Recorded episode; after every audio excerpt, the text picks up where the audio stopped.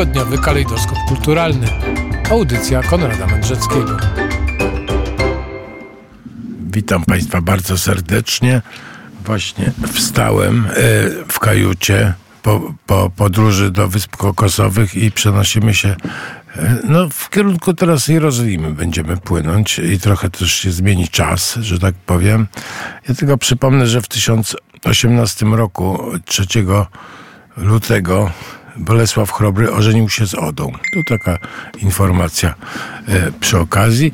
A no cóż, Bartłomiej Dźwigała, doktor UKSW. Kolejny odcinek wspaniałych krucjat radiowych. Witam serdecznie. Dzień dobry. Jest Łukasz Witkiewicz, rycerz. Wspaniale, jest właśnie trudności ma ze zdjęciem hełmu, ale już chyba zdejmie zaraz, tak? Jak tam? Rycerz, czyli Milles, wtedy tak się e, no, określało wojowników tam, tamtych czasach, Milles, więc pan też jest Milles i pan doktor też i pan realizator też, bo my tu dzielnie walczymy, wszyscy jesteśmy Milles, czyli wojownicy, którzy dzielnie obalają y, mity, które narosły wokół krucjat. No właśnie, dzisiaj będziemy, będzie da, da, dalszy ciąg. Będzie dalszy ciąg obalania mitów, e, które, które za sprawą pewnego autora się pojawiły na, na, w naszej, że tak powiem, w naszym obiegu cywilizacyjnym. Ten pan e, się nazywał? Znaczy, mity się pojawiły za sprawą wielu autorów, natomiast dziś będziemy rozmawiać o Jonathanie Riley Smithie. Który również, te mity obala. Który Czyli on lepszy jest. Którego dorobek Od możemy... tego Steve'a tamtego. Tak, bo był Steven Ranciman właśnie, bo tutaj mamy ten żywot równoległy. Ty, ty, tydzień temu mówiliśmy o Stevenie Rancimanie i mogę powiedzieć, że codziennie, kiedy jestem na uczelni, gdzieś tam są rozmowy na temat krucjat, to zawsze pada nazwisko Rancimana jest on znany, bardzo, wszędzie znany. Nawet nie dalej jak wczoraj dostałem pytanie od wykładowcy z innego wydziału na UKSW, czy to, co jest napisane u Rancimana, to jest już nieaktualne, czy to jest jeszcze ok? Czy, czy to nauka przyjmuje, że to jest ok? Także te pytania są cały czas zadawane. A dzisiaj będziemy rozmawiać o Jonathanie Riley Smithie, czyli historyku brytyjskim o pokolenie młodszym od Stevena Rancimana, który swoim dorobkiem w pewnym sensie możemy go postawić właśnie obok Rancimana i zestawić te dwa e, jakby naukowe osiągnięcia. A dzisiaj chcielibyśmy mówić o motywacjach, jakie y, towarzyszyły y, krzyżowcom. No bo mit jest taki, tak? Oni ruszyli na ten wschód z tej, tego w sumie biednego zachodu, żeby złupić ten dostatni, oświecony, wyżej stojący cywilizacyjnie wschód. A Riley Smith odkrył zgoła co innego. No dobrze, ale to za sekundkę zrobimy tak, bo poprosimy, żeby odłożył miecz nasz kochany Janek Jagodziński i jak odłoży miecz, to za, zapowie pan Łukasz e, piosenkę i zaraz będziemy wracać. Mamy całą godzinę, więc spokojnie, nie musimy się śpieszyć. Będzie też dzisiaj czytana e, Jerozolima wyzwolona około 8.30. Nasza cudowna lektorka biegnie tutaj z, właśnie z fragmentem, właśnie z panem doktorem, żeśmy wybrali dzisiaj e, Tasso, Tasso, wspaniała książka Jerozolima wyzwolona, więc e, bardzo pana Łukasza ukochanego proszę, żeby z tego, spod tego hełmu zapowiedział piosenkę. A to pan niespodziankę przygotował z tą Jerozolimą wyzwoloną? No tak. Dobrze. Dzisiaj y, pieśń y, znowu y, krzyżowców, templariuszy. Jako, że mamy sobotę, jest to też pierwsza sobota miesiąca Salve Regino. Chyba się nie skaleczy tylko, panie, pa, panie Janku. Aż trudno się, proszę Państwa, oderwać od tych cudownych pieśni, no ale przecież mamy opowiadać o tych, o tych wyprawach krzyżowych i, o, no i odmitologizowywać. O, takie bardzo trudne słowo. I dzisiaj będziemy się zajmować, no zajmujemy się już, żeśmy to zapowiedzieli, motywacjami, właśnie motywacjami e, ludzi, którzy się wybrali na, na wyprawy krzyżowe i to nie były takie po prostu motywacje e, związane z chciwością, z łupieniem i tak dalej, i tak dalej, bynajmniej. No właśnie, ale zanim ruszymy na wyprawy z jakąkolwiek motywacją, a te motywacje rzeczywiście e, w świetle tego, co, co jest propagowane przynajmniej wobec, są rzeczywiście zaskakujące. To po, może tak chwila, żeby opowiedzieć tak, przedstawić tło, jak właściwie wyglądała Europa pod koniec XI wieku, co się wtedy, co się wtedy działo, zwłaszcza te, te ostatnie lata przed e, wyprawami krzy, krzyżowymi. No to jest dobry punkt wyjścia do rozmowy o pierwszej wyprawie krzyżowej, szczególnie od tego zaczynamy, żeby odpowiedzieć sobie na pytanie, dlaczego w ogóle pierwsza krucjata? Skąd to wydarzenie w ogóle się wzięło, tak można powiedzieć kolokwialnie. Dlaczego akurat w tym roku, w 1095 i 6 roku na wezwanie papieskie odpowiedziało tyle, wiele, kilkanaście tysięcy rycerstwa i y, y, ludzi z innych warstw społecznych. Akurat w tym momencie dziejowym, można powiedzieć. No, jak, jaki to był moment dziejowy? Można tutaj wskazać, ja bym powiedział, dwie takie rzeczy. Po pierwsze, reforma Kościoła, ruch reformy kościelnej, który był wedle niektórych historyków wręcz nazywany jest rewolucją gregoriańską. To znaczy papież Grzegorz VII, który wezwał do reformy Kościoła, czyli do przede wszystkim walki o wolność Kościoła, była to swego rodzaju rewolucja społeczna. Dlatego, że zabieganie, staranie, działanie na rzecz wolności Kościoła od wpływu, od dominacji władzy świeckiej było czymś, co można powiedzieć prze, przetwarzało tamto społeczeństwo. Dlatego, że Kościół uzyskiwał e, akceptację szerokich kręgów społecznych, rycerstwa, na niskim poziomie, bo ja właśnie zapraszam do myślenia o krucjacie, o ruchu krucjatowym jako o ruchu społecznym. To był po prostu ruch społeczny. Obywatelski. Ruch tak. obywatelski, społeczny ówczesnej Europy. Na czym polegał ten ruch społeczny? Właśnie polegał na tym, że szerokie rzesze społeczeństwa, nazwalibyśmy to y, ta średnia warstwa społeczna, czyli y, drobne rycerstwo, ono popierało różnego rodzaju instytucje kościelne, takie jak klasztory, kościoły, fundacje, y, fundowane były sanktuaria. Dla, dlaczego tego typu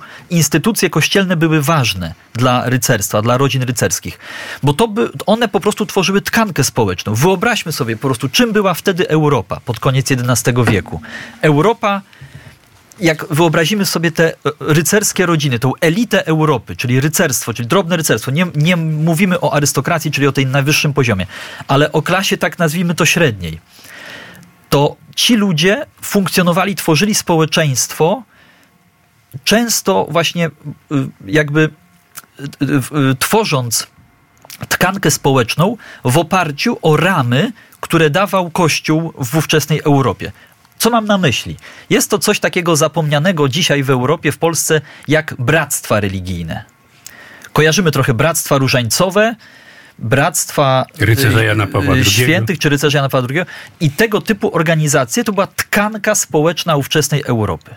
I potem Riley Smith pokazuje, że często motywem do udziału w krucjacie było to, że moi koledzy z bractwa w jakiejś tam parafii czy w jakimś klasztorze podjęli krzyż, więc ja też idę. Bo to były bardzo silne związki po prostu społeczne. To były swego rodzaju stowarzyszenia, można powiedzieć. Te właśnie takie bractwa religijne, bractwa przyparafialne czy, przy, przy, czy przyklasztorne. To było bardzo istotne. I to budowało kulturę ówczesnego społeczeństwa, która wyrażała się w różnych formach pobożności. I teraz to jest właśnie reforma Kościoła, to jest jedno, właśnie, bo te bractwa, te stowarzyszenia religijne, one często właśnie zabiegały o reformę Kościoła, czyli ludzie po prostu wspierali instytucje kościelne, żeby one nie były dominowane przez cesarza, króla czy wielkiego jakiegoś tam pana świeckiego, Czyli taki zupełnie ruch oddolny. Oddolny, nie tak, wielkie tak. polityczne interesy, tylko, Tak. tylko gło- głos, no nie wiem, no, może nie ludu, ale Ale Tak. jeżeli ja mogę... Bo klasy tam, średniej. Taka ważna sprawa to jest chyba takie na przykład miejsce jak opactwo w Klini. Tam się właśnie jakby, że tak powiem, gotowało. Ta, ta reforma się przygotowywała. Tam, Tak. tam te, Tak, no to jest słowo klucz, właśnie opactwo klini, tak. Reformy kluniackie. Tak, no bo tu opactwo Klini, y, no Klini to jest Burgundia, ale opactwo Klini tworzyło całą kongregację, czyli klasztory podległe opactwu w Klini, które obejmowały Czyli taką tkankę budowały. większą część Europy. Oczywiście w Niemczech było mniej albo prawie w ogóle klasztorów kloniackich nie było. Głównie to była południowa Francja, Burgundia, północna Hiszpania, północna Italia. Ale to była cała, można powiedzieć, taka struktura, gdzie każdy klasztor, każdy pla, jakby placówka kościelna podlegała pod opata klini. I tam te idee reformy kościoła, czyli walki o wolność kościoła były bardzo żywe. Również walki, y, jakby no, ta idea reformy Kościoła to była też reforma, w punkcie wyjścia to była reforma w ogóle moralności, e, obyczajów, czyli po prostu wezwanie do życia, do radykalnego życia ewangelicznego, zarówno kierowane do świeckich, jak i do duchownych. I to było hasło.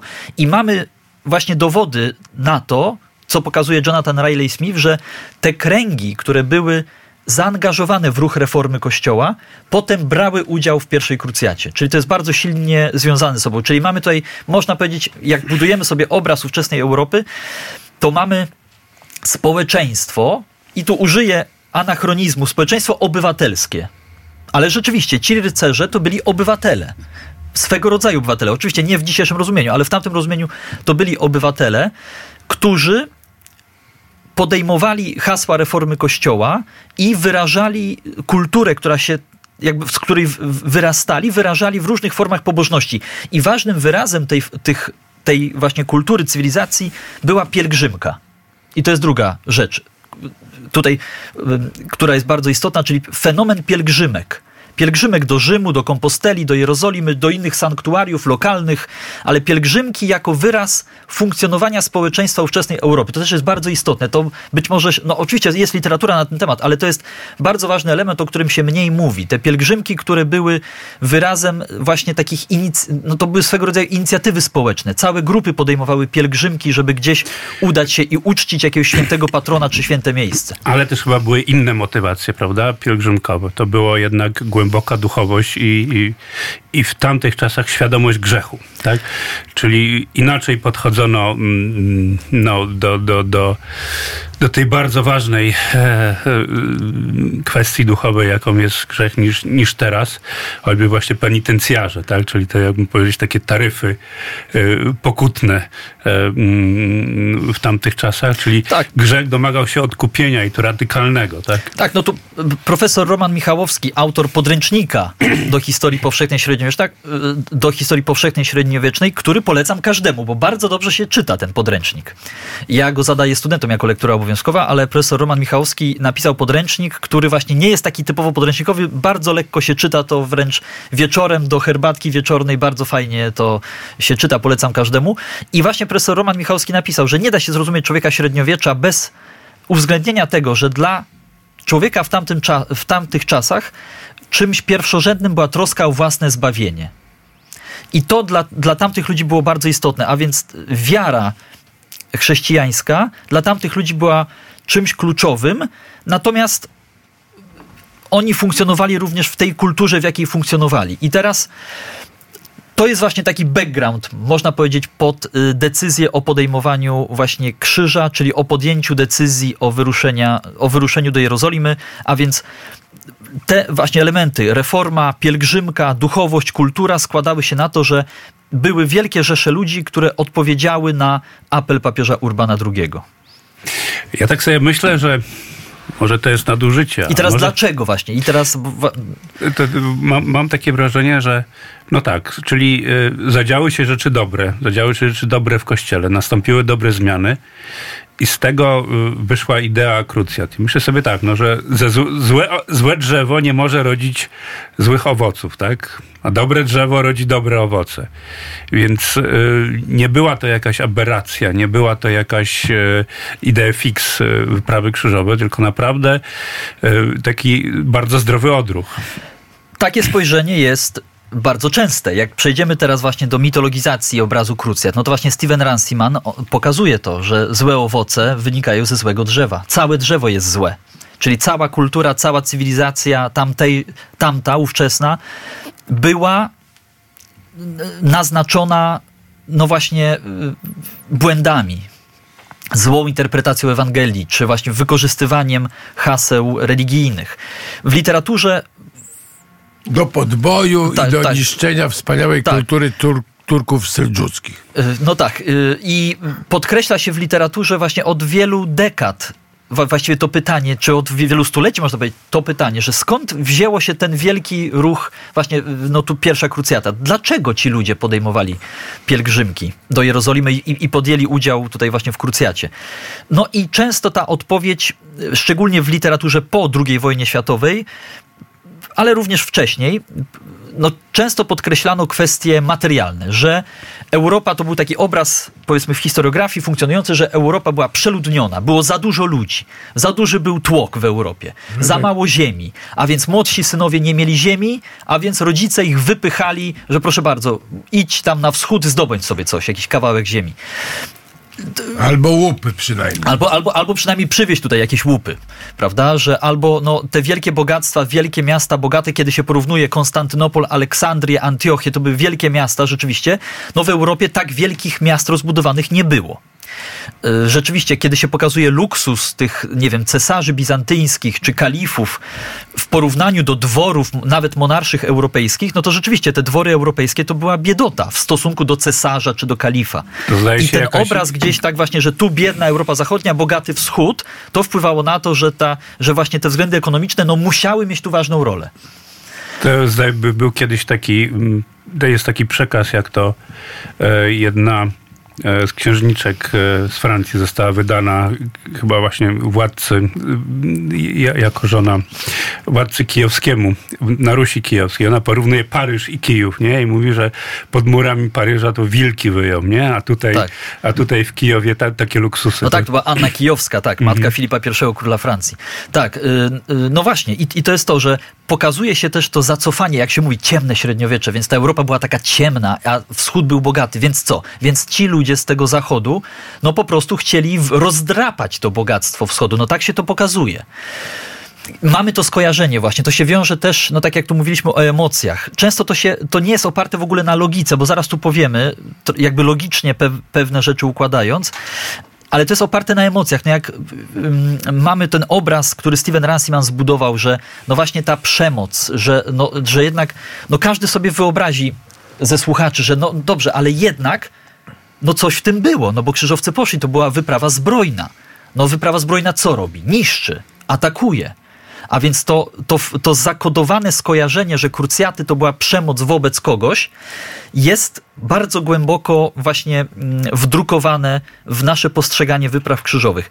A Tutaj odwołam się do Jonathana Riley Smitha i zaprezentuję, i, i może opowiem o książce tutaj, którą mam w studiu, która nie jest szeroko, może bardzo znana w Polsce, nie jest ona wydana po polsku. To jest książka pod tytułem The First Crusaders. Jonathan Riley Smith pokazuje konkretne jednostki, konkretnych ludzi, których udało się zi- zi- zidentyfikować. Jonathan Riley Smith badał dokumenty w Europie, które zachowały się, które świadczą o przygotowaniu do wyruszenia do, y, wy, do wyprawy krzyżowej. I jakie to były przygotowania? Czyli on drobiazgowo jakby odwiedzał różne archiwa, również też klasztorne, Tak. parafialne i, i, i zbierał wi- wiadomości właśnie o tym, o Tak. tym co, co, jak krzyżowcy Tak, w, tak. w, sensie ekonomicznym tak, tutaj, przygotowywali y, się do, do, do, do wypraw. Riley Smith właśnie tutaj na tej stronie tytułowej do tej książki The First Crusaders, on mówi coś takiego, że pozwólmy naszym przodkom mówić. Nie absolutyzujmy, nie uogólniajmy, tylko spójrzmy na nich, na tych właśnie naszych przodków, prawda? No i, i co widzimy, co się wyłania z tego obrazu? Ja w ogóle zachęcam wydawców, którzy może słuchają tej audycji, do wydania tej książki po polsku, bo to jest bardzo ciekawa publikacja. I co się wyłania z tego obrazu? Prze- Przede wszystkim jest taka właśnie teza funkcjonująca w historiografii, że żeby wziąć udział w krucjacie, rycerz potrzebował pieniędzy i szacuje się, że to było około y, czterokrotność lub pięciokrotność rocznego dochodu. Żeby wyekwipować się, kupić zwierzęta juczne, wozy, cały a, prowiant, oprzyrządowanie, y, wyposażyć też swoich giermków, otoczenie całe, bo rycerz sam nie jechał, tylko jechał w otoczeniu. A więc cztero lub pięciokrotność rocznego dochodu. To każdy z nas sobie teraz wyobraźmy, przeliczmy sobie, bo to będzie dobre ćwiczenie, tak? Gdzieś tam sobie weźmy ten roczny dochód swój i pięciokrotność. I teraz spróbujmy zebrać taką I kwotę. dopiero wtedy mogę jechać. Tak, tak. I no to spróbujmy teraz, wyobraźmy sobie, że gdybyśmy mieli zebrać taką kwotę, to co byśmy zrobili? Co by trzeba było zrobić właściwie, żeby to... Kredyt. Kredyt, właśnie kredyt. I, i ci ludzie właściwie to robili. Y, albo, i to były różne możliwości, Jonathan Riley Smith przebadał właśnie te różne drogi. Można było po prostu sprzedać jakąś część majątku. I rzeczywiście to robiono. Można było zastawić na przykład ziemię, w tym sensie, że oddać to komuś innemu, kto będzie czerpał dochód z tej ziemi przez okres, y, w którym ten dochód, no, to będzie spłacenie tej pożyczki jakiejś zaciągniętej. Oddawano też ziemię pod opiekę instytucji kościelnych, które wypłacały też pieniądze, żeby brać udział w krucjacie. A więc były to ogromne kwoty, ale Riley Smith też pokazuje inny aspekt. Jest to aspekt taki, że udział w krucjacie był przedsięwzięciem rodzinnym. Cała rodzina musiała się składać na to, żeby krzyżowiec mógł wyruszyć do Jerozolimy. No dopisuje tam te różne narady rodzinne, tak? To tak jak na wesele teraz, tak? Cała rodzina się składa na, na wesele, bo na 100 osób, no bo to nikt nie, nie, nie podoła. To wtedy No tak. na coś takiego. No coś takiego, tak. I, I to jest właśnie bardzo interesujące, że to, że to jakby możemy w ten sposób dostrzec funkcjonowanie społeczeństwa. Majątki właśnie, żeby zebrać y, te środki finansowe, to często właśnie rodzina albo po prostu no, da, no, w jakiś sposób przekazywała te środki finansowe, wspierała. No często było tak, że y, uczestnik krucjaty zostawiał w domu dzieci albo żonę z dziećmi. I to też wymagało, ten, ta sytuacja była też trudna, no bo to, no to nie jest łatwe, prawda? No, zostawić żonę i dzieci w domu i wyjść gdzieś i wrócić za pięć lat na przykład. No właśnie, nie? ale właśnie bardzo mnie interesuje, czy oni zakładali jakieś ramy czasowe, no bo ja rozumiem, no to jednak, czy oni sobie wyobrażali na przykład, że no to potrwa rok albo trzy miesiące, no bo, no bo generalnie rzecz biorąc, y, jakieś no chociażby y, wynajęcie, czy, czy tam y, y, dzierżawa i tak dalej, no to chyba jakieś musieli mieć wyobrażenia na ten temat, przynajmniej z grubsza. No tak, były wyobrażenia, ile trwa pielgrzymka do Jerozolimy, natomiast wydaje mi się, że oni nie zakładali ram czasowych, dlatego że wielu ludzi po prostu miało świadomość, że mogą nie wrócić z tej wyprawy. Pro, prowadzenie działań militarnych to była niebezpieczna sprawa, i jest niebezpieczna, zawsze jest niebezpieczna sprawa, natomiast tutaj to było wyjątkowo niebezpieczne przedsięwzięcie. W sumie wyprawa w nieznane. Też Wyprawa w nieznane i bardzo długa kampania wojenna, bezprecedensowa kampania wojenna, bo to y, kilka tysięcy kilometrów, no i to wiadomo, że to będzie trwać kilka lat, za, za, zanim się pojedzie i wróci. Więc tutaj było bardzo duże jakby niebezpieczeństwo i generalnie ludzie żegnali się ze swoimi bliskimi. Biorąc pod uwagę po prostu to, zresztą taki był cel wielu ludzi, żeby oddać życie w czasie krucjaty, czy w, w, czasie walki o Jerozolimę. Taka była perspektywa. Ludzie w tamtych czasach raczej mieli tę perspektywę eschatologiczną, a nie perspektywę powiedzmy takiego projektu, że za rok, dwa, trzy wrócę i coś zrobię i tak dalej, i tak dalej, prawda? To było bardziej jakby ukierunkowane eschatologicznie, a więc myślano o śmierci, o tym właśnie, czy dana osoba zdąży zasłużyć sobie na niebo, czy właśnie umrze śmiercią chwalebną, bo tu też chodziło o chwałę, którą taki krzyżowiec mógł przynieść swojemu rodowi, kiedy, to, kie- kiedy jego y, czyny zostaną zapamiętane.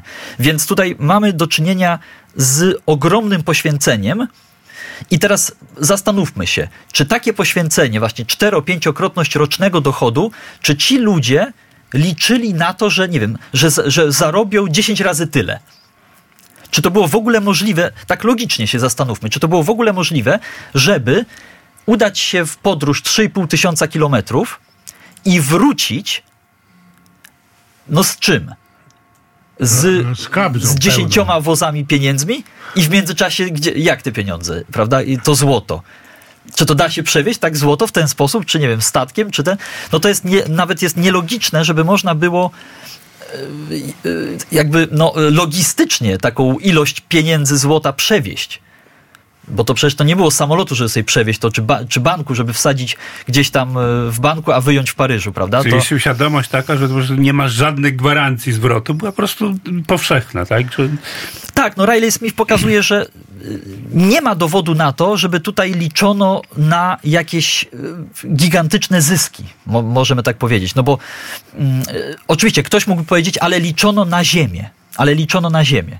Tylko, że gdyby tak było, że ludzie przede wszystkim liczyli na to, że pojadą na wschód i wielkie jakieś pola tutaj zdobędą, wielkie ziemie, księstwa i tak dalej, gdyby tak było, to oni nie jakby nie, nie, nie zawieraliby takich kontraktów w sensie, że na przykład zastawiają ziemię albo zostawiają żonę dzieci na jakiś czas i prawda, w momencie, kiedy wrócą, to coś się będzie działo dalej. No to gdyby oni rzeczywiście w, jakby mieli to na myśli przede wszystkim zdobycie jakiegoś tam księstw i tak dalej, no to, to by nie robili takich tego typu y, kontraktów prawda? Tylko by raczej inwestowali, żeby rzeczywiście jakby tutaj spieniężyć i iść tam i... i, i No właśnie, i, założyć i, gaje pomarańczowe, oliwki tak. i tak dalej i później do żony mówi, no kochanie, możesz już tam, no nie było SMS-ów, ale Tak. jakiegoś u, u, umyślnego można Znaczy, było bo, wysłać. bo musimy y, wziąć pod, pod, pod uwagę coś takiego. Można porównać pierwszą krucjatę y, z wyprawą Wilhelma Zdobywcy do Anglii w 1066 roku. I tu rzeczywiście było tak, że Wilhelm Zdobywca rycerstwo francuskie tutaj zbierał po to, żeby podbić Anglię, zdobyć ziemię, pieniądze i tutaj wymieniono elitę w Anglii. Francuzi po prostu zdobyli ziemię w Anglii i się dorobili na tym. Tylko, że zauważmy, jaka jest różnica między podbojem Anglii przez Wilhelma Zdobywcę w 1066 roku, a pierwszą krucjatą. No tu jesteśmy bardzo blisko geograficznie. Czyli po prostu wsiadamy na statek, przepływamy przez cieśninę, wysiadamy w Anglii, no i mamy to. I po prostu trzeba tylko pokonać armię tutaj przeciwników i mamy tę ziemię. I to jest bardzo blisko. Oni wiedzieli, coś, jakby gdzie to jest. Natomiast wyprawa do Jerozolimy to było tak ryzykowne przedsięwzięcie, tak odległe i, i, i obarczone tak wieloma różnymi ryzykami, no że nikt, kto by myślał w sposób wyrachowany, no nie wszedłby w ten interes, powiedzmy. Szczególnie, że właśnie geograficznie bliżej można było jakby zdobyć ziemię, łupy o wiele łatwiej. I to, i, to, I to na chrześcijanach, tak? No bo Anglia była wtedy chrześcijańska, czyli... No ale Wilhelm Tak, miał korzenie albo Słowian Połapskich tak? atakować, albo Słowian Połapskich, albo tutaj Anglia, czy Ta ten. wymiana elit Wilhelma y, mi się przypomina teraz wymiana elit taka w naszym no, otoczeniu, ale to już tak, by tak na marginesie. A może byśmy posłuchali pieśni o Rolandzie w, w tłumaczeniu Jacka Kowalskiego. Teraz na, na oddech troszeczkę. Zgadzają się panowie? Tak, jak najbardziej, tak. Tak. No to ciach. Jacek Kowalski w tłumaczeniu pieśni o Rolandzie, no jak najbardziej na czasie, prawda? E, Pieśń o Rolandzie. A teraz na, tutaj są bardzo dużo mamy głosów i pytań e, o polecenie książki. No to ja teraz, uwaga, czytam. Jonathan Riley Smith, Krucjaty, Historia. Proszę Państwa, to jest wydawnictwo w drodze. E, Wy, wydanie z roku. Zaraz sprawdzamy. E, Nie ma roku. E, Mamy rok? Nie mamy roku. Dobra, nie będziemy teraz tego Tak, roku. ale książka, która już gdzieś tam funkcjonuje, ale właśnie jest w cieniu, niestety, właśnie książki Stevena Ransimana, do której się wielu ludzi powołuje, a nie znając właśnie drugiego wielkiego historyka, Jonathana Riley Smitha, który prowadził wiele dekad szczegółowe badania szczegółowe naprawdę badania nad, nad krzyżowcami, krucjatami, nad zakonem maltańskim. I jest to postać właśnie mniej znana w Polsce, a myślę, że warto też tego autora poznać. I może kontynuując wątek, ja bym tutaj powiedział o jeszcze kwestii następującej, którą warto wziąć pod uwagę, kiedy myślimy o motywacjach krzyżowców. Weźmy pod uwagę, że krucjata, kiedy tak, tak po prostu logicznie się zastanówmy, krucjata to, była, to było bardzo niebezpieczne przedsięwzięcie. A więc, kiedy sobie pomyślimy, to nie było tak łatwo, że gdzieś pojadę, zdobędę, wrócę i będę miał. A więc tu to jest jakby pod kątem zastanawiania się nad tymi motywacjami krzyżowców. Czy to był właśnie podbój, łupy? Kiedy wyobrazimy sobie, jak wiele niebezpieczeństw czekało na krzyżowców i kiedy zobaczymy, jak wielu krzyżowców po prostu poległo w trakcie. Mniejszość krzyżowców, tu Riley Smith to szczegółowo oblicza, ale nie więcej niż połowa rycerstwa wróciła do domu. Rycerstwa, bo tutaj obu, ob, oprócz rycerstwa byli giermkowie i to y, spośród tych y, y, warstw społecznych więcej ludzi zginęło.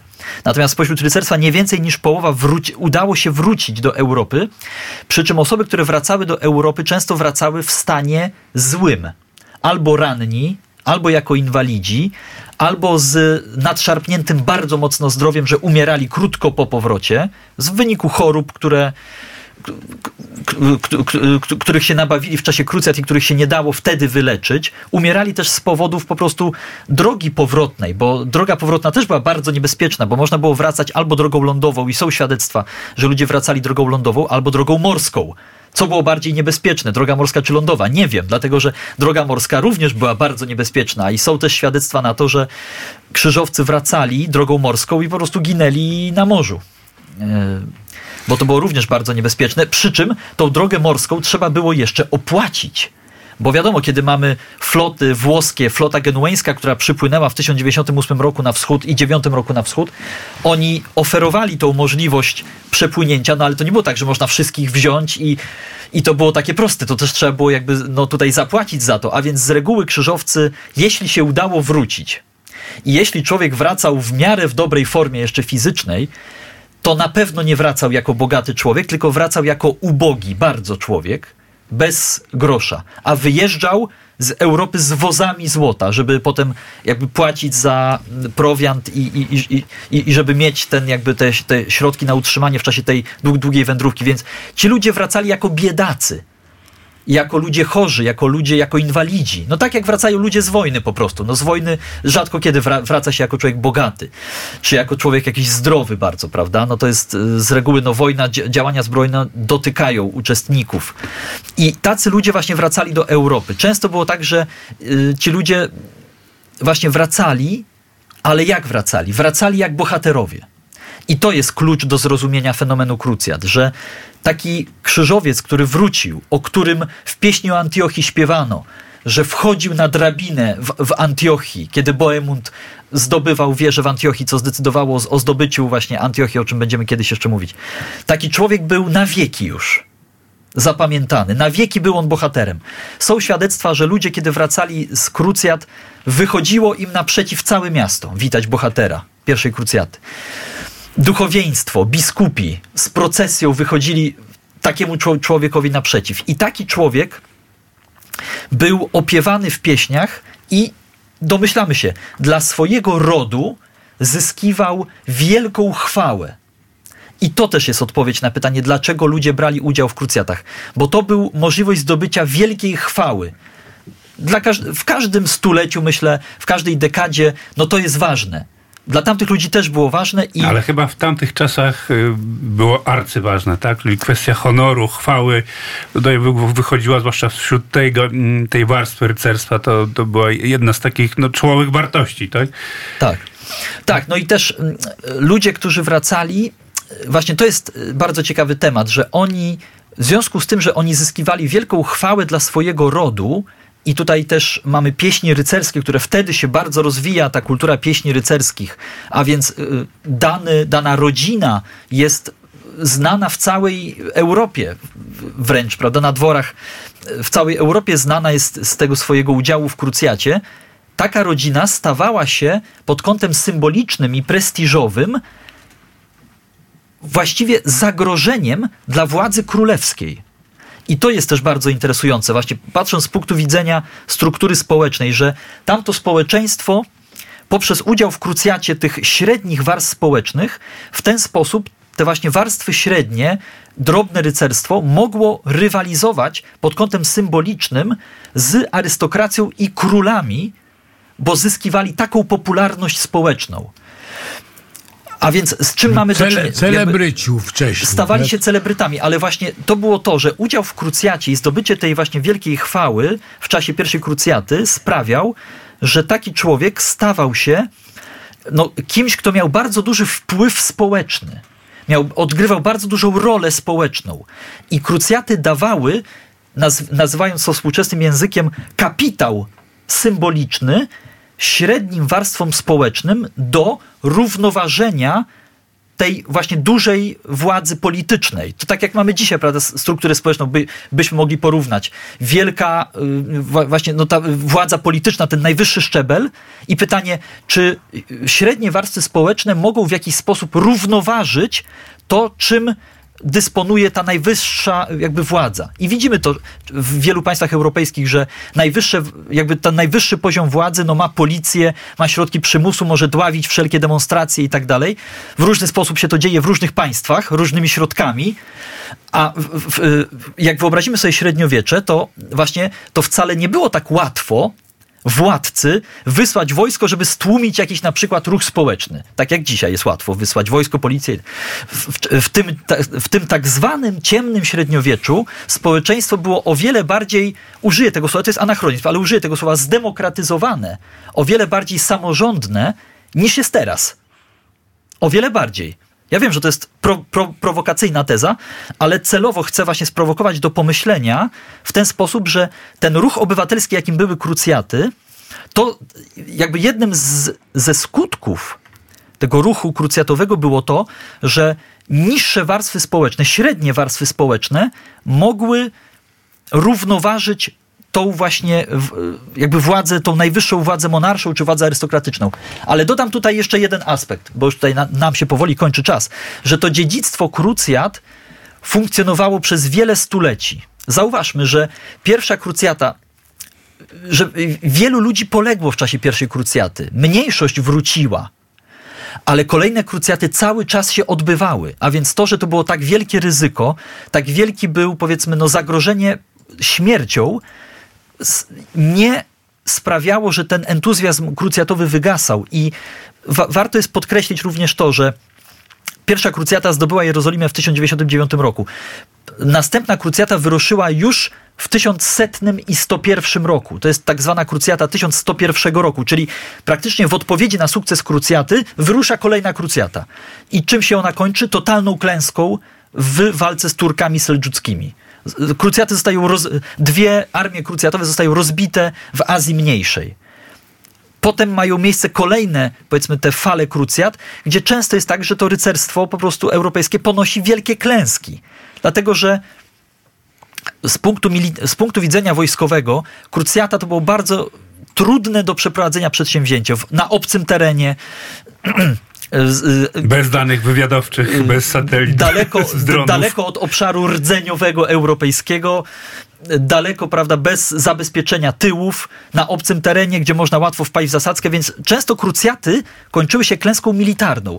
Ranciman napisze, że to była głupota, że to była naiwność, że to była lekkomyślność, ale możemy też spojrzeć z innego punktu widzenia, że to był właśnie ten stały wysiłek, właśnie, gdzie pomimo ryzyka ten wysiłek był podejmowany. No i teraz odpowiedzmy sobie na pytanie, jeżeli było tak wielkie ryzyko, to czy rzeczywiście tu względy ekonomiczne grały jakąś rolę? Gdzie już po pierwszej krucjacie i po tej krucjacie 1101 roku wszyscy w Europie mieli świadomość, że tutaj się nie da zarobić pieniędzy. Co więcej, można po prostu zginąć. Jest to bardzo duże prawdopodobieństwo, że się zginie w czasie tej wyprawy. A jednak kolejne wielkie krucjaty były organizowane przez bardzo długi czas. I to kolejne, krucjata za krucjatą, królowie organizowali kolejne te wielkie przedsięwzięcia, gdzie angażowano wielkie środki. I właśnie tutaj kończąc już może naszą dzisiejszą audycję, że... No jeszcze może właśnie... mam, jeszcze porozmawiajmy, bo ja... Ale ja właśnie takie... ja, ja, bym chciał, bo właśnie obe, y, kolejny mit padł o motywacjach y, y, materialnych. Były to bardziej motywacje jednak duchowe, ale... I świat... społeczno-kulturowe, tak społeczno-kulturowe, społeczno-kulturowe. Ale światło y, tutaj prawdy rzucił właśnie nasz y, autor, Jonathan Riley Smith. Może pan y, doktor opowie coś o, właśnie o tym, o tym naukowcu, bo rzeczywiście on w odróżnieniu do y, autora, o którym mówiliśmy tydzień temu, rzeczywiście był solidnym, y, dobrze przygotowanym, funkcjonującym w środowisku naukowym y, y, naukowcem. No tak, dla historyków krucjat Jonathan Riley Smith to jest postać pomnikowa, Zmarł w roku 2016, był aktywny naukowo gdzieś od lat 60., 70. Jest to postać, no, dla historyków, dla znawców krucjat, dla mediewistów jest to postać pomnikowa, a ta audycja służy też temu, żeby przedstawić tę osobę szerszej publiczności. Zachęcam serdecznie do tego, żeby zainteresować się postacią Jonathana Riley Smitha. Współcześnie w internecie łatwo jest dotrzeć do publikacji Jonathana Riley Smitha, nie tylko do tej jedynej chyba książki wydanej po polsku, czyli Krucjaty Historia, którą pan redaktor tu przedstawiał, ale jest o wiele więcej jego publikacji, I co ważne, Jonathan Riley Smith był akademikiem. Pracował na, uniwers- na Uniwersytecie w St. Andrews, ale głównie był związany z Uniwersytetem w Cambridge, gdzie był dziekanem, sprawował funkcje akademickie, no i był czynnym profesorem przez kilka dekad. A więc on wykształcił w, na swoim seminarium doktoranckim praktycznie, no nie wiem, no może nie większość, ale bardzo wielką grupę historyków, którzy są teraz aktywni. Kiedy wejdziemy do księgarni i spojrzymy, kto pisze na temat krucjat właśnie z tych historyków angielskich, zagranicznych, to duża część tych ludzi to są uczniowie Jonathana Riley Smitha. Także ten człowiek miał wielki wpływ. No, osoby takie jak Thomas Esbridge czy, Jonathan, czy Jonathan y, Phillips. Bernard Hamilton, to, to, to, to są ludzie, którzy mieli związek z Jonathanem Riley Smithem albo są jego wprost uczniami. I, miał on na, I on miał wpływ na nich. A więc był on badaczem, który wieloaspektowo badał krucjaty, właśnie w odróżnieniu od Ransimana, który był bizantynistą, a krucjaty były dla niego dodatkowym tematem jakimś, to Jonathan Riley Smith był przede wszystkim historykiem krucjat. Ja jeszcze jedno mam pytanie. W ogóle można znaleźć tą książkę, nie jest bardzo tania, y, 72,99 można kupić taką książkę. E, No ale myślę, że jak ktoś na przykład e, ma ochotę kupić dobrą książkę i ma taką, taką, taką, taką, e, taką możliwość, to to, to, to zachęcamy. A teraz, proszę Państwa, już za chwilę, już za chwilę, ale może nie za chwilę, e, może później. E, ja chciałem jedną zapytać rzecz, bo pan doktor powiedział o tym, że oni no, e, wracali w różny sposób, wynajmowali te kajuty, pewnie dla konia kajuta była droga bardzo na tym genueńskim statku, ale chciałem, bo przecież jest sporo, że zostało krzyżowców, przecież zostały zakony, które służy między innymi templariusze, zostali tam. To, to całkiem spora liczba rycerzy nie, nie wracała. Tylko Tak, no o tym fenomenie my się powiemy na którejś z kolejnych audycji, o tym właśnie jak funkcjonowały państwa krzyżowe na wschodzie. Natomiast właśnie to jest też istotne, że tych krzyżowców na wschodzie zostało niewielu. jednak. Dlatego, że jednak ludzie wracali do domów swoich. Natomiast tych, którzy zostało, szacuje się, z, tego, z, no, z moich badań wynika, i, że to było około 300 rycerzy w okolicach Jerozolimy. Natomiast tam w Antiochii, w Edessie jeszcze były, ale to no myślę, że to można gdzieś ograniczyć do liczby 400-500 rycerzy. Oczywiście oni tam z giermkami i tak dalej, ale to była liczba stosunkowo niewielka i ci ludzie musieli potem bronić Jerozolimy przed kontrofensywami muzułmańskimi. Wyobraźmy to sobie, prawda? Ale tutaj może podsumowując, bo o tym będziemy mówić oddzielnie, o tym, co się działo na wschodzie w państwach krzyżowych. Natomiast ja też uważam, że kiedy sobie chcemy odpowiedzieć na pytanie, dlaczego podejmowano krucjaty. Dlaczego wyruszano na krucjaty? To najprostszą odpowiedzią jest, bo ci ludzie uważali, że to jest ich obowiązek i powinność. To jest najprostsza odpowiedź, myślę. Oni byli wychowani w takiej kulturze, takie, taki przekaz ich kształtował, takie treści, tak zostali wychowani przez swoich e, przodków, przez swoich rodziców, dziadków, tak zostali ukształtowani przez, w ramach tkanki społecznej, że oni uważali, że po prostu tak trzeba. Że trzeba. y, O, oni chcieli zachować się jak trzeba. I kiedy Urban, i kiedy papież wezwał do obrony Jerozolimy i do obrony prześ, prześladowanych chrześcijan, to po prostu ci ludzie i ta cywilizacja, która ich ukształtowała, to ci ludzie po prostu odpowiedzieli, że po prostu trzeba się zachować przyzwoicie i to jest powinnością naszą pomóc prześladowanym chrześcijanom i bronić Jerozolimy. Tu też taki ciekawy wątek. Czytałem, jak to ta szlachetna idea, ta szlachetna postawa y, była przenoszona też dzięki kobietom, tak? które na przykład żeniały się w jakieś rodziny. Na przykład siostra krzyżowca, żeniąc się, w- w- nie wiem, z, z, z rycerzem z jakiejś, z jakiejś innej rodziny, właśnie przenosiła tą, Tak. e, tą, tą ideę. Mówi, no, Mamy minutę, tylko tak I też ta idea, idea udziału w ruchu krucjatowym, po, po, podejmowania krucjat, też była z pokolenia na pokolenie. Widzimy też, że jak sobie odpowiem na pytanie, dlaczego ktoś brał udział w krucjacie drugiej, trzeciej, czwartej, piątej, a są takie świadectwa, że z pokolenia na pokolenie brano udział w krucjatach, po prostu dlatego, że mój ojciec też był krzyżowcem, mój dziadek też był krzyżowcem, więc ja też muszę wziąć w tym udział, bo to jest mój obowiązek. I myślę, że to jest takie najprostsze wyjaśnienie, które daje nam jakby ten obraz taki najjaśniejszy tego, że po prostu to był ich obowiązek. Oni postrzegali, że to jest ich obowiązek, to jest nasza powinność. Takich ukształtowała y, kultura łacińskiej średniowiecznej Europy. No właśnie, to teraz jeszcze tylko wspomnijmy. Szukajcie Państwo książki, słuchaj, słuchajcie naszej audycji na podcaście też, kto nie wysłuchał, ale e, czytajmy e, pana Smitha, który no, pisze o wiele e, bardziej skrupulatnie i bardziej prawdziwie na temat krucjat. Dziękuję panie doktorze. Dziękuję w przyszłym bardzo. tygodniu się zajmujemy już... E, Już będziemy Kru- wchodzić chronologicznie w przebieg i tej pierwszej krucjaty. krucjata ludowa. Tak.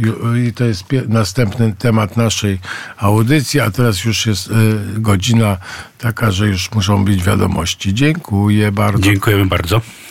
No to najpierw przypomnę najważniejszy adres internetowy patronate.pl ukośnik radio wnet. No bo też mamy swoją wyprawę krzyżową e, w celu obrony wolności słowa i tak to jest.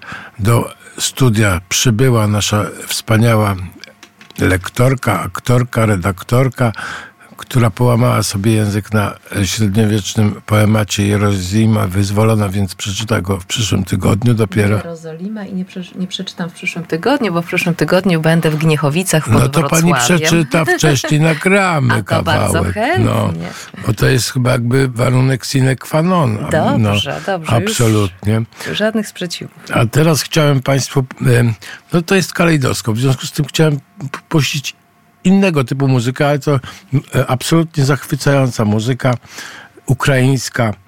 Dakha Brakha, proszę Państwa, odkrycie moje z zeszłego tygodnia i naprawdę absolutny zachwyt, a jak wybrzmi ta muzyka, to łączymy się z Juliuszem Woźnym, który wydał swój komiks już w pełnej formie o Edycie Stein i porozmawiamy o tym komiksie. Mamy go przed oczami, a e, Magda wpatruje się właśnie w ten komiks i, i porozmawiamy z Juliuszem Woźnym, ale to po tym utworze, który kilka minut trwa, ale jest naprawdę absolutnie rewelacyjny, więc uprzejmie zachęcam. Uszy w słup. No i właśnie, proszę Państwa, 3 lutego. Bardzo ładna pogoda. Dzisiaj jest taka, jest pogoda, bym powiedział, mokra, ale taka przyjemna, jest dość ciepło jak na luty, nie trzeba e, tych butów zakładać. E, no i już tutaj się pojawiają e, kolejni goście. Magda cudownie tutaj sobie radzi z e, Jerozolimą e, wyzwoloną, już trenuje na przyszły tydzień. E, no właśnie, e, e, w studiu... Tutaj, po, przepraszam, powitał nas, tylko powiem, słuchacz nasz wierny, rodzina Kokosiaków w komplecie. Kokosiaków. A do ko- rodziny Kokosiaków już tylko tak zapowiem na, na, na ciut później. Ola Krawczenko przybyła. Dzień dobry.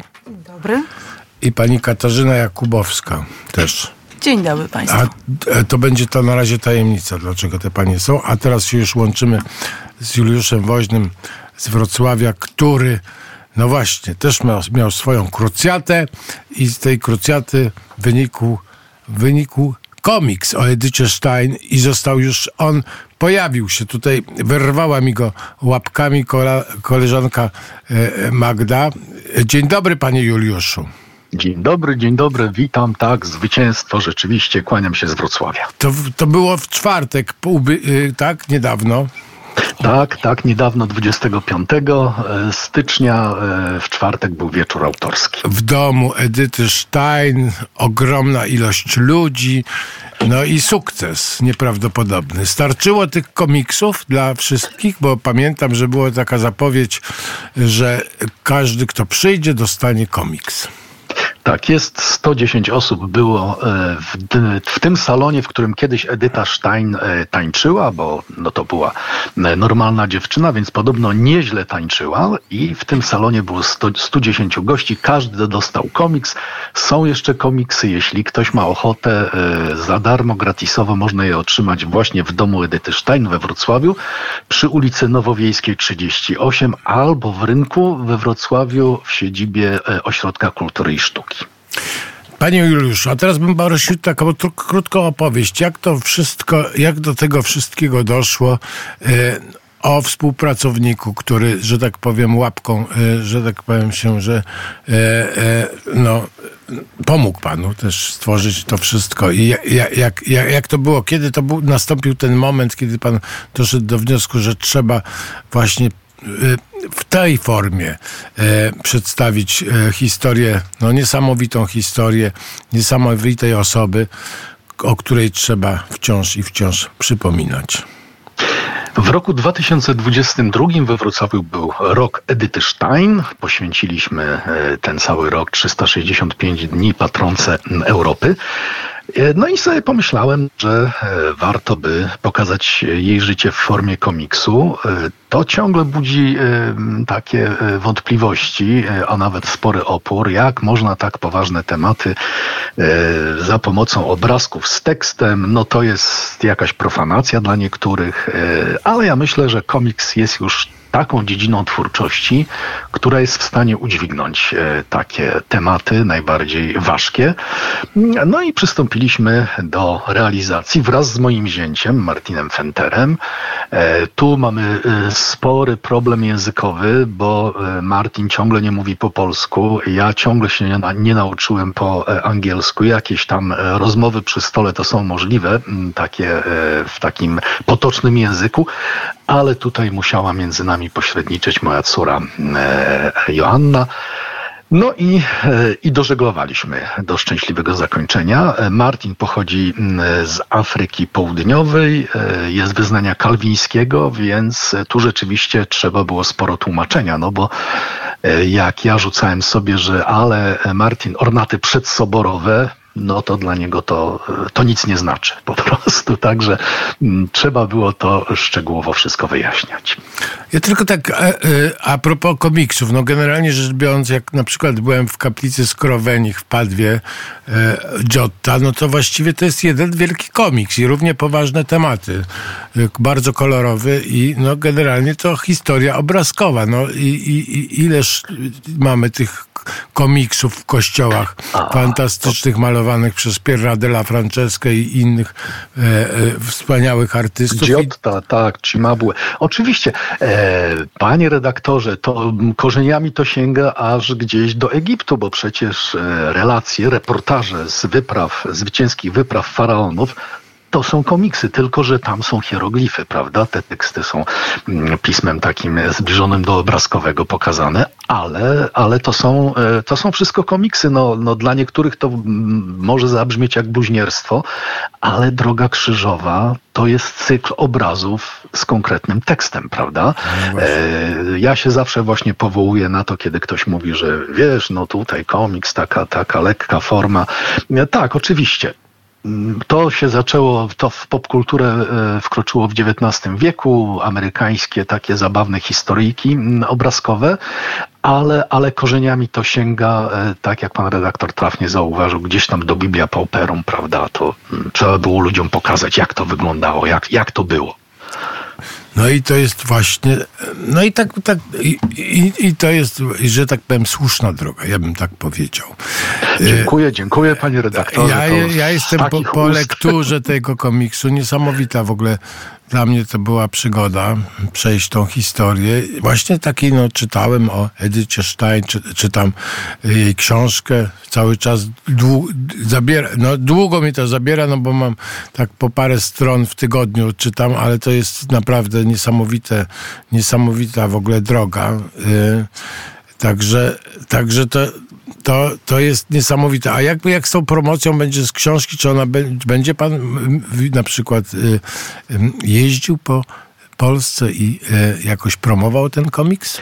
Jeśli, jeśli dostanę zaproszenie, to oczywiście e, pojadę. E, ja ten komiks promowałem już, już wcześniej e, w Głogowie, byłem zanim się ukazał. Tam dostałem zaproszenie od tamtego muzeum, no i liczę na to, że tam wrócę już z gotowym komiksem i, i, i się pochwalę. Bo, a jak w ogóle ta recepcja? Bo on w odcinkach wychodził w gazecie wrocławskiej, prawda? Jak, jak było właśnie tak. z, z, przyjęciem i na zachwyty, czy jakieś właśnie e, e, uwagi? E, jak to, jak Ciągle jeszcze było? się ukazuje, jeszcze nie dotarliśmy do końca, także równolegle w Gazecie Wrocławskiej tutaj dziękuję pięknie redaktorowi Januszowi Życzkowskiemu, że, że udostępnił swoje łamy. To było jeszcze w momencie, kiedy ja nie byłem pewien, czy w ogóle komiks się ukaże, także tym, tym większa moja wdzięczność. I tam z takimi moimi obszernymi komentarzami, to jest po 4000 znaków, więc takie kobyły obok e, tych rysunków. Ja tam jeszcze e, dopowiadam e, to, co tam wiem o, o tych wszystkich wydarzeniach. Naturalnie mm, wiem niewiele. Tutaj mm, jestem bardzo wdzięczny pracownikom domu Edyty Stein. Mm, także oni, oni mnie tutaj wspierali.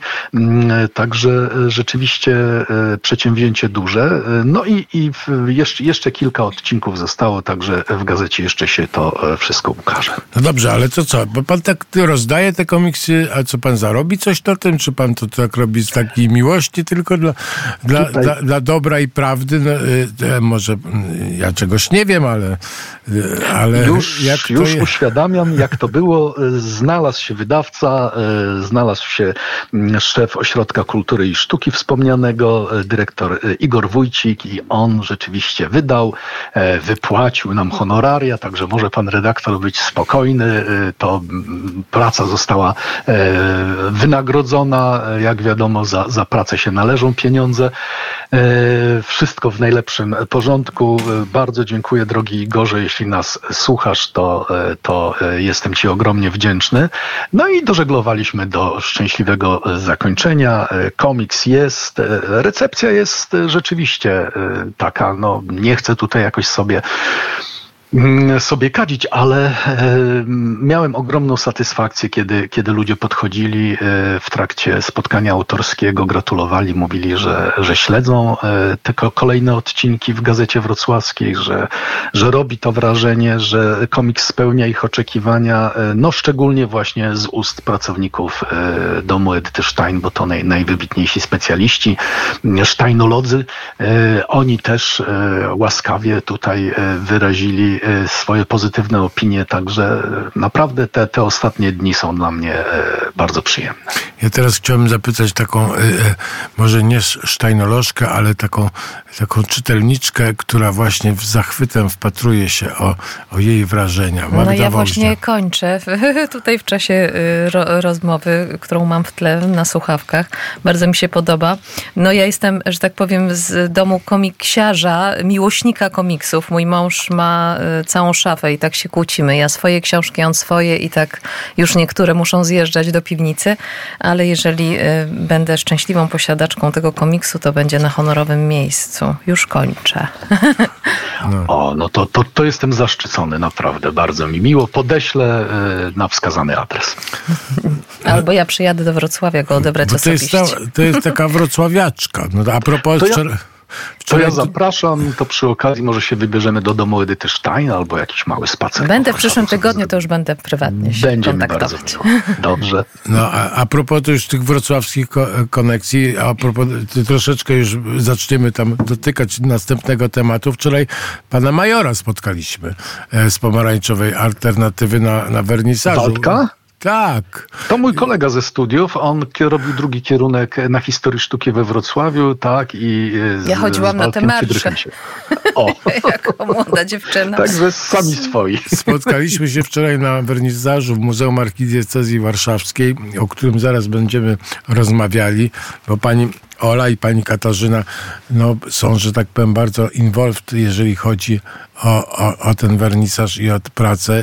Pani Kasia jest organizatorką, a pani Ola jest artystką, która wystawia. Tam jeszcze miała być jedna artystka, ale zaspała. O, tak napisała taką wiadomość, że niestety zaspałam. A jakie plany na, na czy będzie następny jakiś komiks, czy jest jakiś, e, czy, czy, czy, czy to jest tylko taki epizod w pana, no, bogatej, no że tak powiem, działalności? To jest trzynasty mój komiks, także... Jezus Maria, Boże, jak się skompromitowałem, Matko Święta. Matko. Także to już, to już trochę trwa, trochę tego, trochę tego mam e, w dorobku.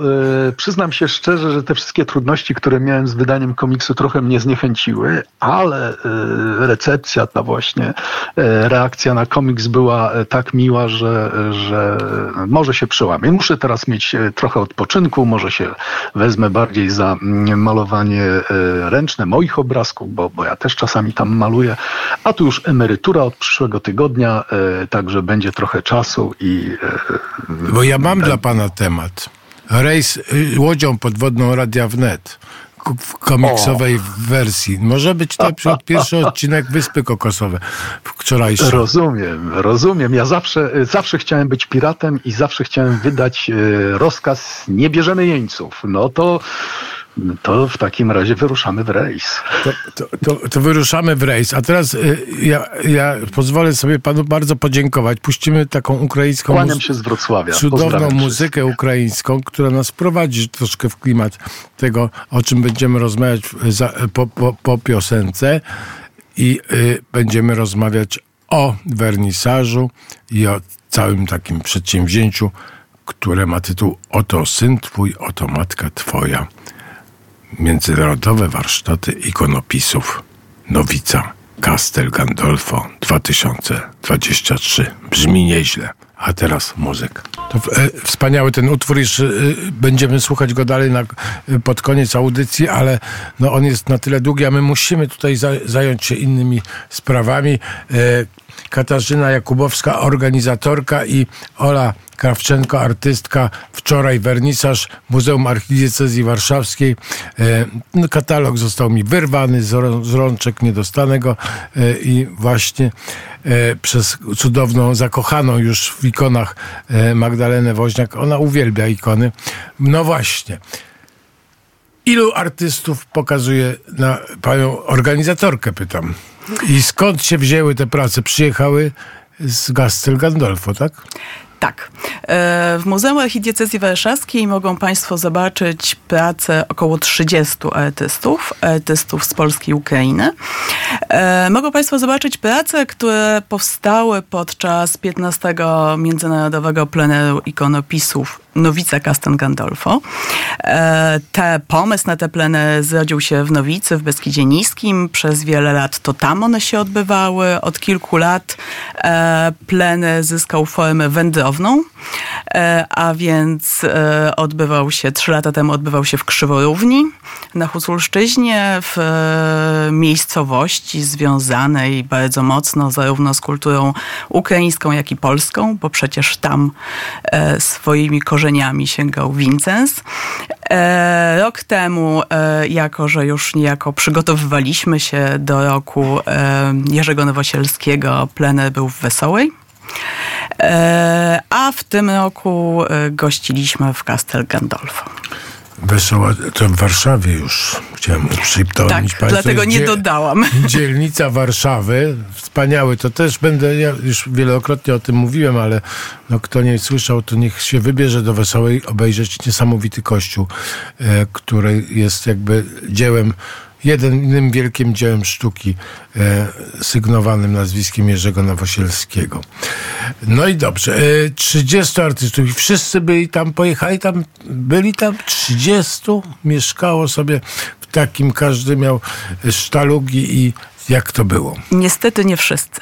Dlatego, Nie. że w tym roku uczestnicy e, byli z Polski i Ukrainy. Niestety nasi przyjaciele, e, mężczyźni z Ukrainy, nie mogą wyjechać ze swojego kraju. Ci, którzy e, mają obowiązek służby wojskowej, nie mogą opuścić kraju po to, żeby, e, żeby pojechać na plenę. W związku z tym e, plenę no, w dużej mierze był plenerem żeńskim, chociaż oczywiście artyści z Polski też byli, a, a nasi koledzy Ukraińcy po prostu swoje prace malowali synchronicznie w swoich domach w Ukrainie, w Lwowie przede wszystkim i później je dołączyli do naszej wystawy. Kto wymyślił motyw przewodni? E, Bo, bo, bo jest motyw przewodni, jest tytuł. e, No to bardzo bym prosił, jak, jak to się dzieje, że, że się wymyśla taki motyw przewodni? No bo ikona, no ikona, no to, no to za mało, tak? E, Co roku, jak kończymy e, edycję wystaw e, poplenerowych, wspólnie zastanawiamy się, nad jakim tematem chcielibyśmy się pochylić w roku następnym. W tym roku temat jest bardzo wyjątkowy dla nas. Oto syn twój, oto matka twoja.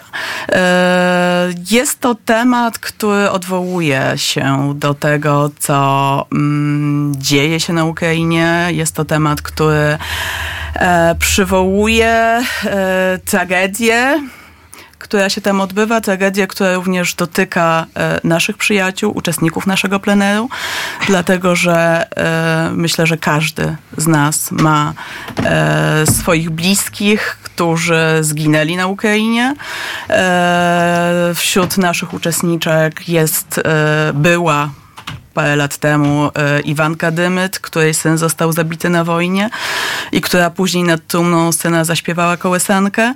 Mm, to z jednej strony, z drugiej strony e, ważna była dla nas ikona okładkowa. Ikona okładkowa, którą namalował też już świętej pamięci nasz przyjaciel Ostap Łoziński. Namalował ją na plenerze w Krzyworówni e, i w ten sposób też chcieliśmy przypomnieć o jego obecności, przypomnieć o roli, którą miał on w organizowaniu naszych warsztatów. Chciałem teraz zapytać panią Ole Krawczenko, która uczestniczy. To pani pierwsza, pierwsza taka y, uczestnictwo w tych plenerach, czy y, pani wystawia swoją pracę? Porozmawiamy za chwilę o niej, ale czy to jest pani pierwsza, y, y u, pierwsze uczestnictwo w tych y, y, nowicowych, że tak powiem, przedsięwzięciach ikonowych, czy, czy, czy to jest już jakaś kolejna odsłona?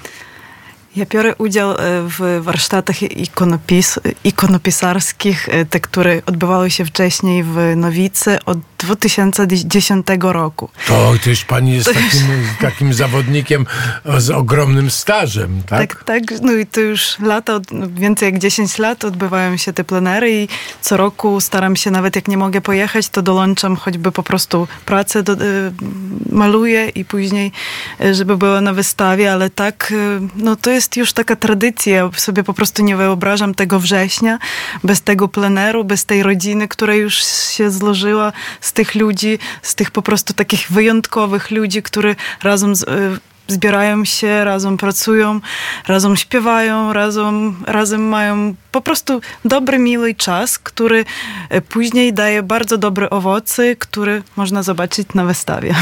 A skąd pani pochodzi z Ukrainy? Z jakiego miasta? Z Lwowa. Z Lwowa, czyli bliziutko bardzo. No tak. Bardzo bliziutko. No to, a była pani w Castel Gandolfo w tym tak, roku, tak, tak? tak? tak? No i jak? Fajnie? Bardzo fajnie było, bo y, było inaczej jak zawsze, bo zawsze byliśmy w górach albo pod y, Warszawą Wesolej, że to było jakoś inaczej, bo było słońce, była woda i też wczoraj nawet sobie... A tam, a, tam w Castel Gandolfo było ciemno i nie było wody, tak? Nie, właśnie, właśnie tam, że było słońce, że było lato we wrześniu, że mogli sobie pójść nad jezioro, na, nad morze i właśnie że mówili, że za dnia e, spędzali czas na, e, gdzieś nad jeziorem czy, czy nad e, morzem, a w nocy malowali. I to było też bardzo, bardzo takim jakimś e, przyjemnym i miłym odczuciem, bo każdy z nas, e, no bo nocy to też jest bardzo taki ważny czas dla artystów, bo zawsze jakieś bardzo ciekawe pomysły pojawiają się, bardzo jakieś takie, no to jakiś cud. Coś no, się dzieje inaczej. No tak, ale raczej wydaje mi się, że się maluje no, światło, słońce, no potrzebne do malowania, tak? Czy nie? E, tak, potrzebne, ale też muszą być e, jak, jakby to powiedzieć, ale po prostu jak jest e, inna przyroda, in, inne warunki, to chce się po prostu być no jeszcze coś innego sobie e, zobaczyć. Ale malowała też, to... pani w nocy, tak? Tak, ja tak. Ojej. No bo to też Włochy, chce, Ale nie jest tak, się że czegoś jak pani zobaczyć. na przykład wstawała rano i mówi, o Jezus kochany, Matko Święta, co za kolory. Tutaj zupełnie chciałam co innego. Nie, jesteśmy wszyscy już przyzwyczajeni, no bo bardzo często pracujemy po nocach i to jest normalny czas dla, dla artystów. Ukochana pani technika malarska? E, tempera na desce, jako zwykła ikona.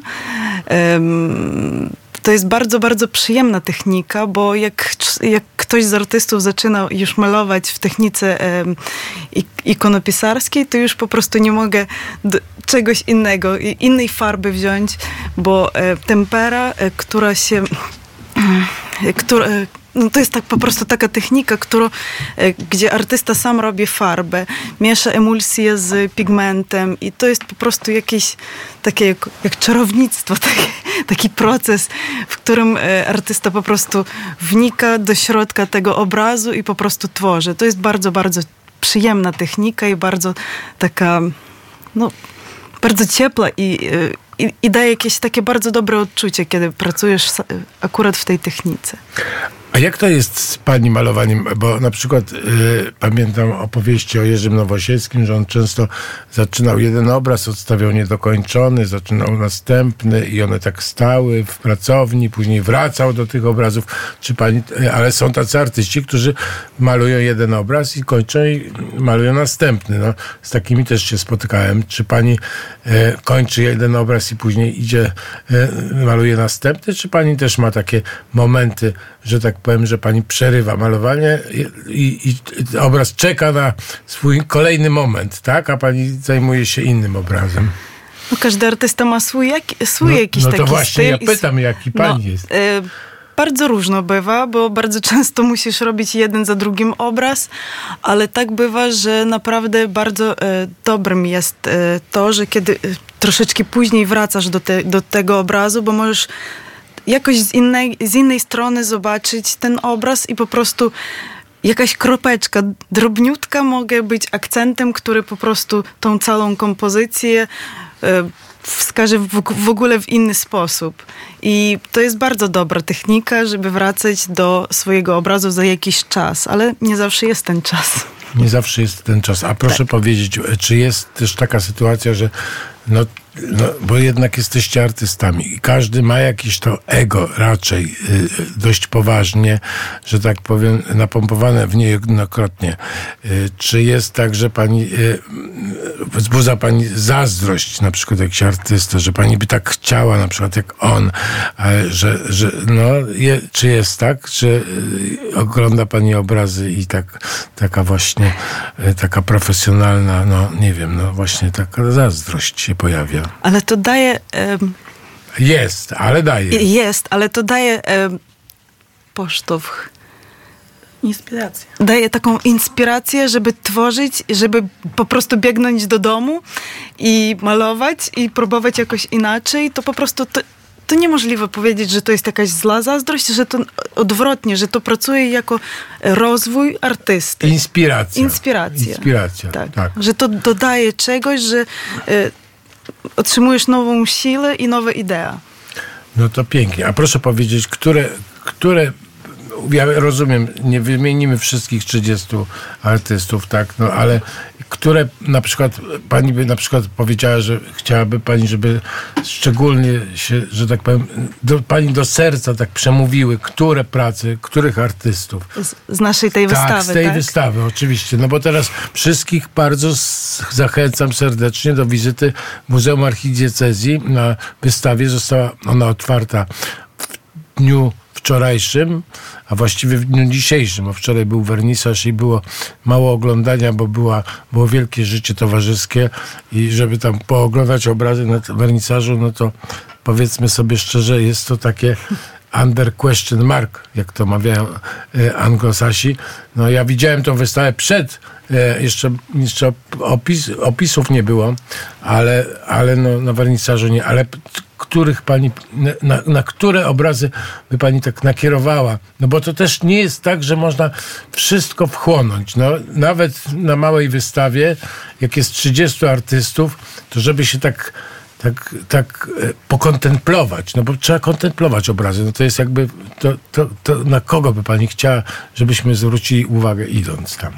Na tej wystawie mamy niezwykłych, niezwykłych artystów i takich bardzo znanych już i w, w Ukrainie, i w Polsce. I polecam e, pracę Uliany Tomkiewicz, e, Katarzyny Kuziw. E, Też bardzo fajne są obrazy artystów z Polski, Tomasza Bilki, Doroty Berger. Te, które mi się podobają i tak naprawdę ciekawe i w kolorach, i w kompozycjach.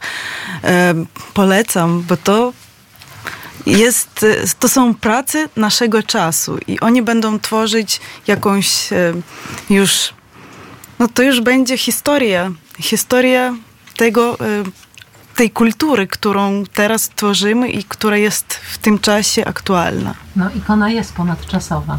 To jest piękne. No jest, to ja się zgadzam. Ale panią Katarzynę teraz poproszę o, e, o, o jej, że tak powiem, ukochane, ukochane dzieci. E, Ja powiem tak, ja co roku e, widzę tę wystawę kilka razy, znaczy wystawę poplenerową.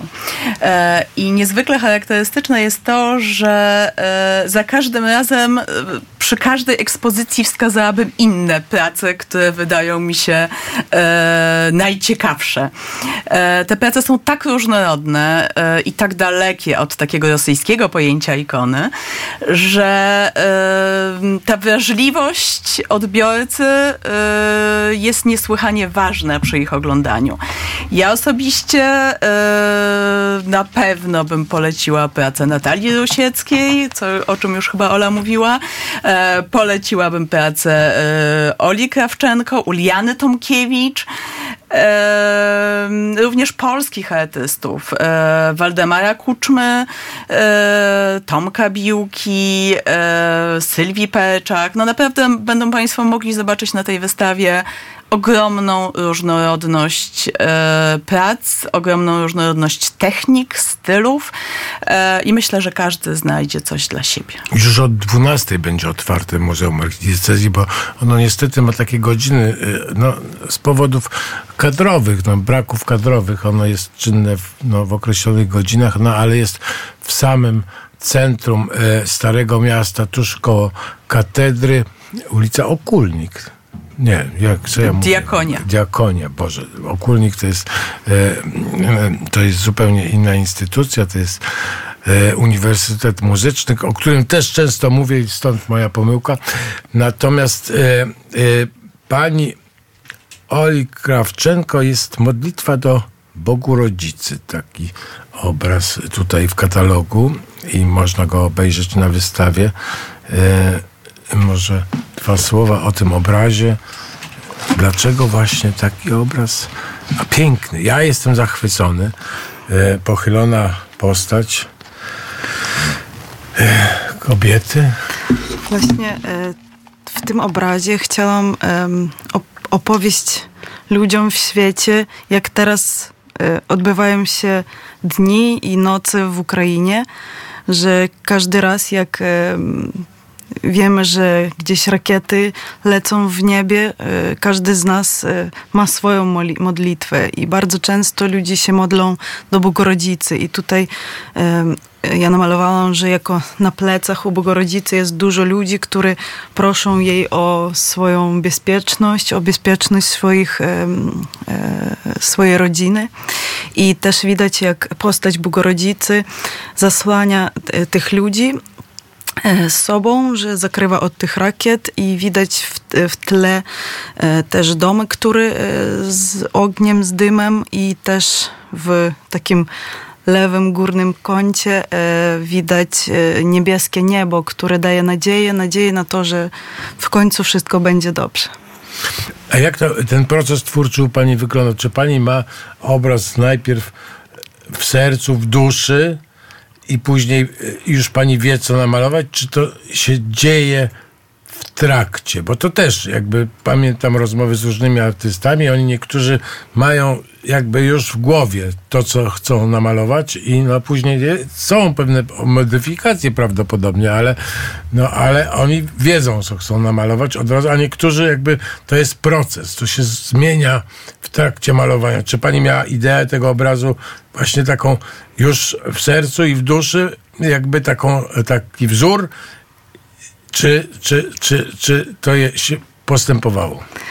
E, No w ogóle z ikonopisaniem jest tak, że no bo tutaj jest technika i proces bardzo ważny, bo e, jak ty sobie wymyślasz kompozycję i no, samą e, no, idea e, pracy, jak przychodzi do głowy, to od razu zaczynasz myśl, myśleć, na jakiej desce będziesz pracować. I ten proces się zaczyna, bo deska potrzebuje takiego procesu przygotowania, bo to Trzeba porozmawiać z nią. E, porozmawiać, bo e, zagruntować, bo to jest proces taki, który trwa. Tam tydzień, e, to może tydzień albo dwa trwać, później sobie wymyśleć, wymyślasz już ten rysunek, chodzisz z nim, sobie sam ze sobą gadasz, wymyślasz jakby to mogło, co jak namalować, w jaki sposób, jakie efekty, a później, kiedy już pracujesz na desce, to pojawiają się jeszcze nowe efekty, bo to już praca w, w materiale, że kiedy już już rękami dotykasz do tego wszystkiego, pojawiają się już jakieś akcenty, jakieś efekty. To jest po prostu długotrwały proces, który nawet trwa, kiedy już widzisz swoją pracę już e, e, w, w katalogu, to znowu sobie domyślasz, Boże, a to tak mogło być, a, a to już inaczej rozumiesz sam już A tu już za późno jest. Już. Nie za późno, ale ty możesz po prostu też sobie nawet już, no, nawet jak opowiadasz o tym, już możesz też jakoś inaczej, ale to już jest namalowane, ale ta idea dalej może żyć i każdy człowiek dla siebie też może dalej wymyśleć e, i mieć swoją wizję tego obrazu. Że to jest po prostu zawsze trwały, taki trwały proces, który, który jest żywy. A to jak to jest z tym przeznaczeniem? Bo ikony generalnie no to są malarstwo, które no, y, no to jest malarstwo, które no, mogłoby trafiać do świątyni albo do domu, tak? Czy to jest, jak to, jak to z tym jest? Czy one, no, no bo to, no bo teraz jest w galerii, tak? Niektórzy kupują sobie te ikony i mają w mieszkaniach, tak? Ale czy idea jest też taka, żeby one były w przestrzeni sakrum, w, w świątyni? Tak, część z ikon, które powstały podczas międzynarodowych e, warsztatów ikonopisania w Nowicy trafiła do świątyń e, i służy liturgii w świątyń na całym świecie. E, chyba w, w systemie po łatyńsku najdalej jest, e, jest ikona e, namalowana, napisana podczas e, nowickich warsztatów. Natomiast te ikony przede wszystkim mają służyć modlitwie. I niesamowite jest, jak bardzo różna jest ludzka wrażliwość i jak bardzo inne ikony przybliżają e, różnych ludzi do Boga. Ja pamiętam taką historię też z Muzeum Archidiecezji Warszawskiej, kiedy em, oprowadzałam po, po wystawie i e, opowiadałam o pracy Natalii Rusieckiej, to była Arka Noego. Arka Noego taka bardzo w bajecznych kolorach e, i w, powiedziałam to, co, co we mnie wypływało, że to jest taka, e, taka praca, którą raczej e, powiesiłabym w pokoju dziecięcym. I na to jedna zakonnica, która była wśród tych, których oprowadzałam, wykrzyknęła, ależ ja marzę, żeby się przed czymś takim modlić. Więc rzeczywiście tutaj e, myślę, że każdy z nas jest inny i, i każdego z nas zupełnie inna estetyka i kolorystyka e, do tej modlitwy A propos, pani powiedziała o tych oprowadzeniach kuratorskich i będą prowa- oprowadzenia kuratorskie po wystawie i, po, i powiedzmy o tym. Tak, proszę Państwa, zachęcamy do śledzenia strony facebookowej Muzeum Archidiecezji Warszawskiej, dlatego że tam e, będzie się sukcesywnie pojawiać e, informacja o kolejnych oprowadzeniach kuratorskich, e, podczas których opowiadamy o, o procesie powstawania tych prac. Staramy się zwrócić uwagę na najciekawsze rozwiązania, ale też odnieść te ikony do e, przedstawień bardziej tradycyjnych, e, gdyż e, no tu warto podkreślić, że ikona ukraińska i nie tylko ukraińska od stuleci jest zupełnie inna niż rosyjska. No myśmy w Polsce niestety przywykli jako społeczeństwo bardzo myśleć w tych kategoriach ikony rosyjskiej i dlatego też jeszcze bardziej Państwa zachęcam do odwiedzenia wystawy. No tak, trochę się nauczyliśmy e, czytać ikony poprzez Rublowa, przez Tarkowskiego filmy też, no i to, no, no to, to, to jest prawda. No ale e, jeszcze jedno mam takie pytanie, bo, bo bardzo mnie to ciekawi, czy e, jak państwo eksponują te ikony w takim muzeum, czy one czasami się ze sobą kłócą, w tym sensie, że nie chcą e, być koło siebie na przykład. Nie ze względu, że się nie lubią, tylko, że na przykład im, no jakby bardziej byłoby po drodze z inną ikoną i one, czy one rozmawiają z panią w czasie na przykład e, e, tworzenia ekspozycji. E, koledzy, którzy przede wszystkim tworzą te ekspozycje, za każdym razem e, zupełnie inaczej te ekspozycje rozwiązują. Stąd każda wystawa nasza jest inna. E, dlatego, że to bardzo dużo zależy od pomieszczenia, e, od tego, ile mamy przestrzeni, jaka to jest przestrzeń. E, no i staramy się dobierać te ikony tak, żeby one ze sobą rozmawiały, żeby, żeby wchodziły ze sobą w dialog i tworzyły, tworzyły pewną harmonię. Harmonia e, taka jest też, że e, czas upływa. E, To jest harmonia czasu. Ja niestety muszę kończyć tę audycję, chociaż jeszcze bym chętnie z paniami porozmawiał. No ale już będzie za chwilę wiadomości o godzinie 10, czyli mam 30 sekund. Ola Krawczenko, dziękuję bardzo. Cudownie było się spotkać. Katarzyna Jakubowska, cudownie było się spotkać. Zapraszamy do Muzeum Archidiecezji i myślę, że to nie ostatnie nasze